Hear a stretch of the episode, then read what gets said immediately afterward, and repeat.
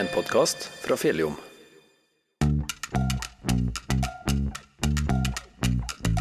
Årets valgkamp er i gang, og vi i Fjelljom ønsker å gjøre deg bedre kjent med ordførerkandidatene i våre to kommuner.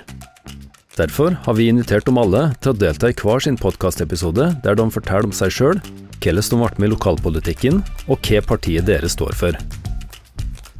I denne episoden blir du bedre kjent med Jan Håvard Refsetås. Jan Håvard Østetås, velkommen til studio. Tusen takk for det. Vi hopper rett på, vi. Hvilket parti tilhører du? Jeg representerer da Senterpartiet i Holtålen. Ja. Før vi begynner med politikken, ta og fortell litt om deg sjøl først. K Ja. Hvem er du? Ja, jeg er jo 66 år. Da kan du jo gjøre som du vil, som Wenche Myhre sier. ja. Eh, Jeg er jo født og oppvokst lenger ned i dalen her, og har farta litt rundt omkring før jeg kom til Holtålen i år eh, 2000. Så jeg har bodd her i 23 år nå, så jeg begynner å bli en del av Det er vel den plassen jeg har bodd lengst, Mm. for å si det sånn. Og øh, jobba i Forsvaret før, har militær utdanning. Og så var jeg så vidt innom banken i Haltdalen i fem år, før jeg da begynte med gårdsdrift på heltid. Og så ble jeg fanga opp av politikken i, eh, i eh, 2007. Da kom jeg inn første gangen på ei liste som bestod av fire partier som samarbeid. Var da fire år i formannskap, og i 2011 så gikk jeg på som ordfører, og var det til 2019. Så jeg har åtte års fartstid som ordfører, og så nå har jeg hatt fire år uten noe politisk verv. Så eh, nå er jeg klar, da kan du si, til å prøve til igjen på nytt. Jeg skal spørre deg mer om eh, åssen du havner i politikken, men først, eh, utenom jobb og sånne ting, da, hva for noen fritidsinteresser har du? Nei, det går mye på, på gårdsdrift for tida, og, og øh, være litt ute i naturen. Det har ikke blitt så mye tid til det de senere åra, men jeg prøver nå så godt jeg kan å komme meg ut. Men det- gårdsdrifta sluker mye tid i og med at du har dyr. Må du ut og se etter dem på beite, det er flytting, det er ånd og Men jeg er jo egentlig altfor lite ute og røre seg, det skal jeg ærlig innrømme. Men du prøver å komme og, benytte deg av den fine naturen som er i Holtålen? Det gjør jeg, og Mm. ikke bare Holtålen eller andre plasser òg. Mm. Men det er jo lettest å komme seg ut, kan du si, i nærområdet. Åssen var det at du kom inn i politikken? Hva var det som fikk deg inn på det sporet? Jeg ble jo spurt før valget, eller på høsten 2006 antagelig, det var eh, det var en Geir Jensås faktisk som spurte meg, han som var i Høyre den gangen, om jeg ville være med i politikken, og så sa jeg skal nå gruble, og så sa han ja, og så ble jeg jo med på lista. Men den gangen så had, Nei, de, vi hadde ikke tatt stilling til noe parti den gangen. Nei, akkurat, ja. Så vi, eh, eh, men det måtte vi jo gjøre før vi liksom kom i gang, og da ble det så landa på Senterpartiet og ikke Høyre. Gjorde jeg, så eh, det, Men det var han som spurte meg og fikk meg inn, da, for å si det sånn. Så eh, Da åpna seg en mulighet, og så ble det sånn at jeg fikk utrolig mye stemmer den gangen, og for å få det til å gå opp med formannskap og alt det der, så kom jeg i formannskapet, for det var den eneste av de fem, eller var vi sju i formannskapet den gangen, da, som ikke så kommunehuset hjemmefra. Fem var vi. og da måtte du faktisk ha inn en fra Haltdalen, og da kom jeg inn i formannskapet. Litt uh, flying start. Men det gikk jo greit, det? Ja, det gikk greit. Jeg var med innenfor helse og sosial de fire åra, og, og så ble det jo da, i og med at Heidi Greni kom på Stortinget, hun var jo vara for en Ola Borten Moe, og den gangen så kom ikke den ut igjen, som den gjorde nå.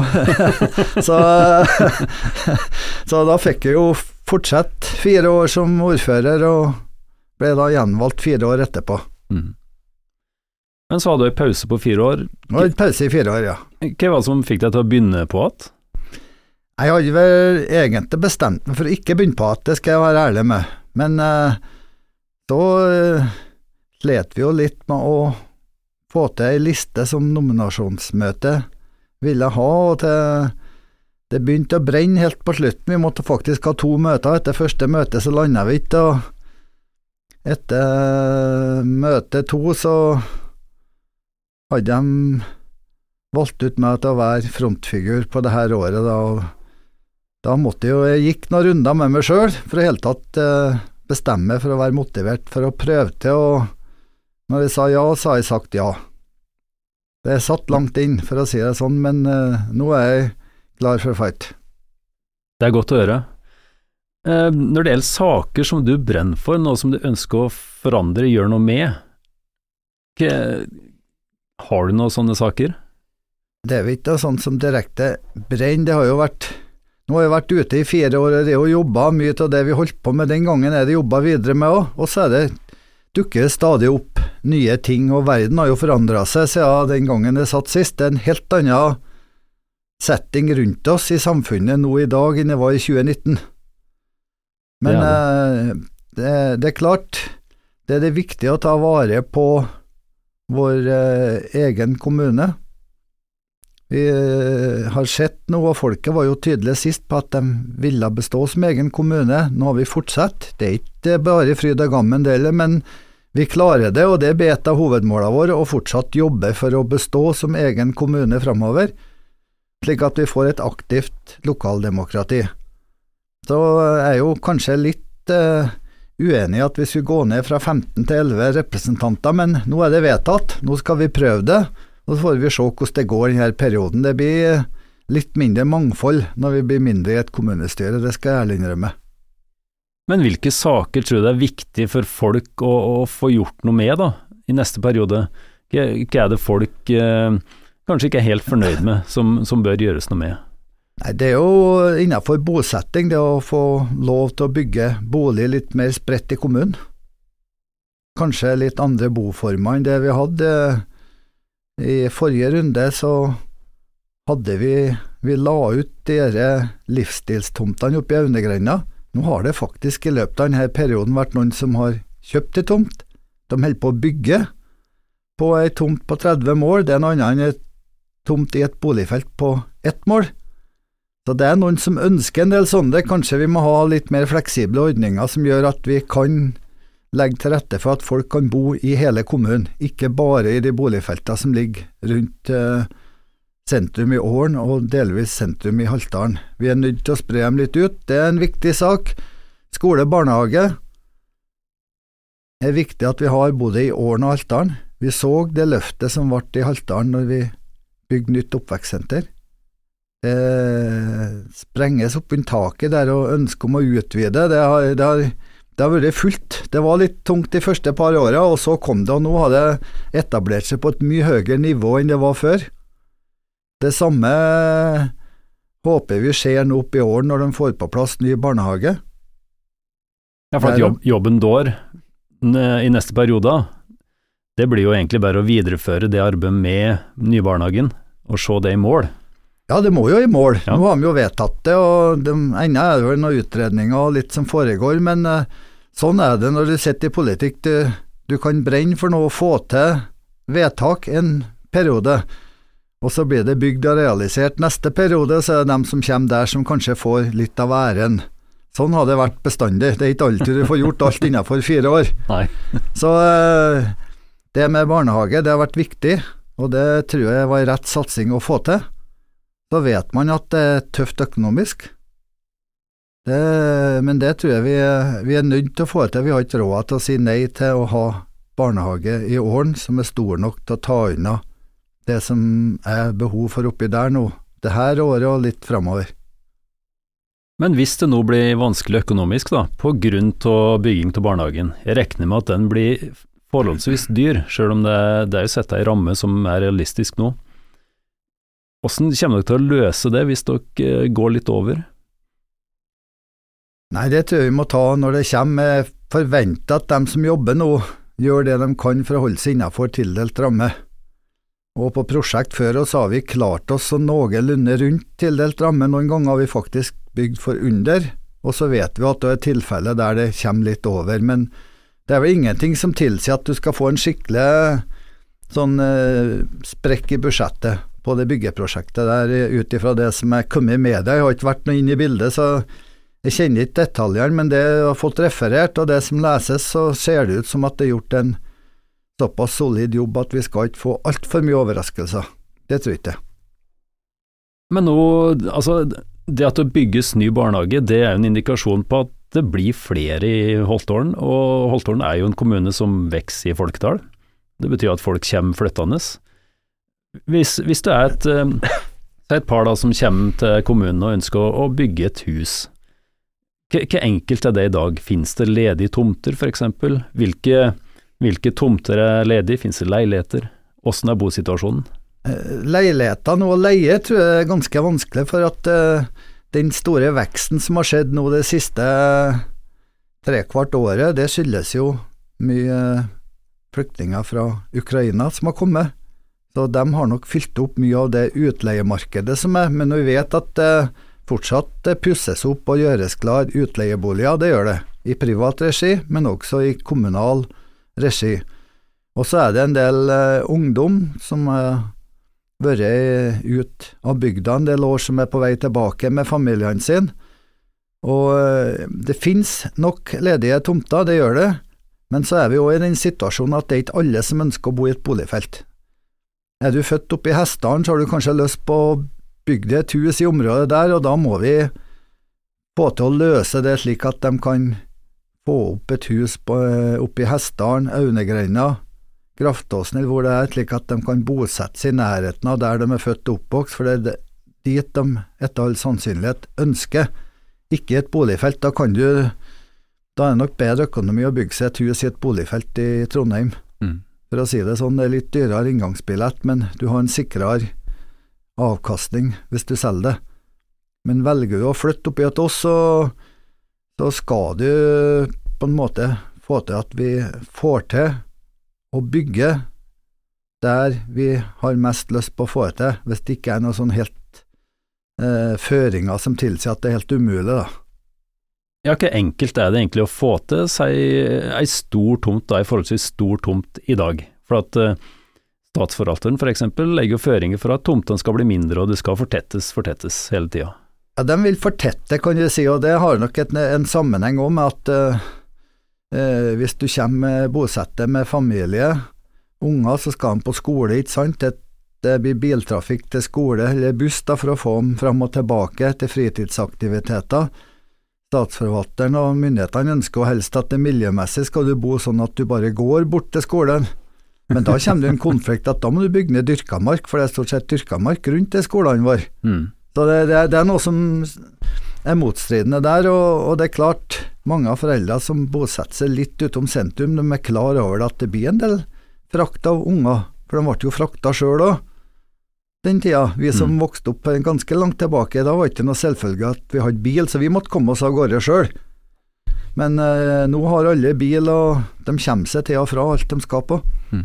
Så eh, jeg tror det blir mer oppblomstring på sånn bygging litt utom sentrumen, og det håper jeg, for det kan være med å styrke bosettinga som gjør at det er litt spesielt å bo i Holtålen, og ikke, ikke på det samme som å bo på Medhus eller bo på Røros eller i boligfelt der, men at de i Holtålen kan få ei tomt som er litt spesiell, kanskje tre mål, fire mål, mm. som gjør at du får til å ha en liten kjøkkenhage og noen høner og litt sånn hvis du vil ordne egg sjøl. det gir en helt annen livsstil ja, enn, å, enn å bo i bynære strøk? Ja, det er jo derfor at en del flytter tilbake, for de ønsker en annen opplevelse. De får aldri tilbake den tida de vokste opp sjøl, for uh, verden går jo framover. Men de får en annen opplevelse i dagens samfunn, og det har du mulighet til på i distriktskommuner, der det er litt eh, større avstand mellom boligene. Du nevnte jo det med bilkjøring. Og i Holtålen så Dere har en litt sånn interessant situasjon nå med, med tanke på bruer og infrastruktur. Hva er det å tenke om det, for det må, jo, det må jo gjøres noe slag der? Ja, jeg kan jo nesten eh, flire litt av det, for at det er vel ingen som har åpna så mye bruer i Holtålen som er i min ordførertid. For jeg, når jeg gikk på i 2011, så hadde flommen ødelagt nesten alt. Ja, sant.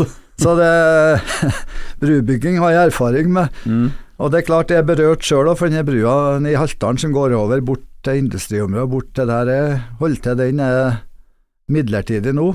I høyeste grad, vil jeg klart, si. Der har vi i programmet vårt at det skal bygges ny Heksemsbru. Vi kan ikke holde på å prøve å rekonstruere ei bry oppå de pilarene for da må du jo rive ned den brua som er midlertidig òg.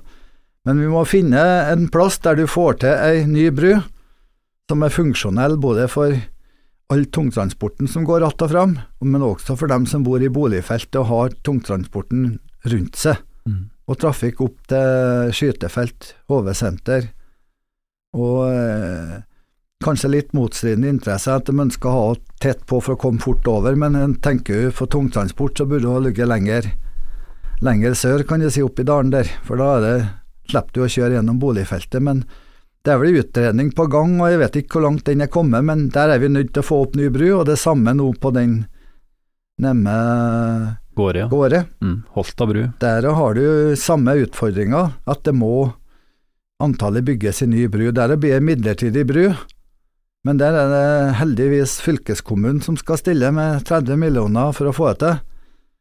Men eh, vi må finne penger til Heksemsbrua vår. Så eh, det er jo kanskje òg en utfordring oppi den økonomien kommunen har. Og så vet vi òg at det er ei bru opp med åsen, som er Åsbrua, som er midlertidig. Så må må finne en løsning på, for den datt jo ut av alle planer når det ble endringer på dette veiprosjektet fylkesvei 30, i og med at det bomopplegget ble så kostbart. Men det er klart, vi må komme oss på banen igjen i forhold til fylkesvei 30 og få rusta opp den, og prøve å jobbe for å finne en løsning uten bompengefinansiering. For eh, veien blir bare dårligere og dårligere, og vi kan ikke ha den sånn, dessverre. Så er det for litt viktig infrastruktur akkurat der bruene. Som du sier, det er, det er næring som ligger på andre sida, det, det, det, er gårder, det er boliger. Ja. Det er jo det, for eh, det siste var jo sagt nå at den midlertidige brua over med den Heksemsbrua, den er ikke så bred at du kommer over med snøplogen på bilen.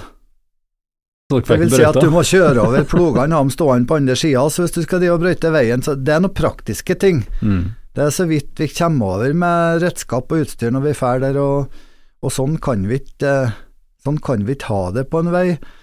Og eh, et annet argument nå i forhold til å ruste opp veien, er jo at eh, nå har jo Sverige blitt medlem av Nato. Og hvis de skal ha ting frakta inn til til Sverige og ut av Sverige, kan du si, så ligger havnene rundt Trondheim. Du har Storlien som et aktuelt sted, men du har også Vauldalen. Mm. Det vil si at de veiene som går mellom Midt-Norge og over mot, mot øst, de må rustes opp. Det vil også gjøre behov for å ruste opp eh, både Langsvola og nedover Selbu, men også ikke minst ned Gaudalen, slik at du får til å frakte ting. Det mm. vil tvinge seg fram. Det er jeg overbevist om på Vi kan ikke bare tenke på Stjørdal-Storlien. Så du ser for deg å bruke neste perioden, hvis du blir verdig inn, mye på infrastruktur og vei, altså? Ja, vi må faktisk komme oss videre på det, slik at vi får rusta opp det. og ja, Jeg var jo leder til prosjektene vi holdt på sist, men jeg gikk jo ut, kan du si, i 2019 når jeg avslutta sist, og da Det var jo etter der eh, fylket kom inn med de der bompengene. Det snakka jo om bom den gangen jeg var, men da var det liksom bare en spede begynnelse at det kanskje ble. Det ble jo et helt annet prosjekt som var presentert nå som kommunestyret sa nei til, enn det vi jobba med for fem-seks år siden.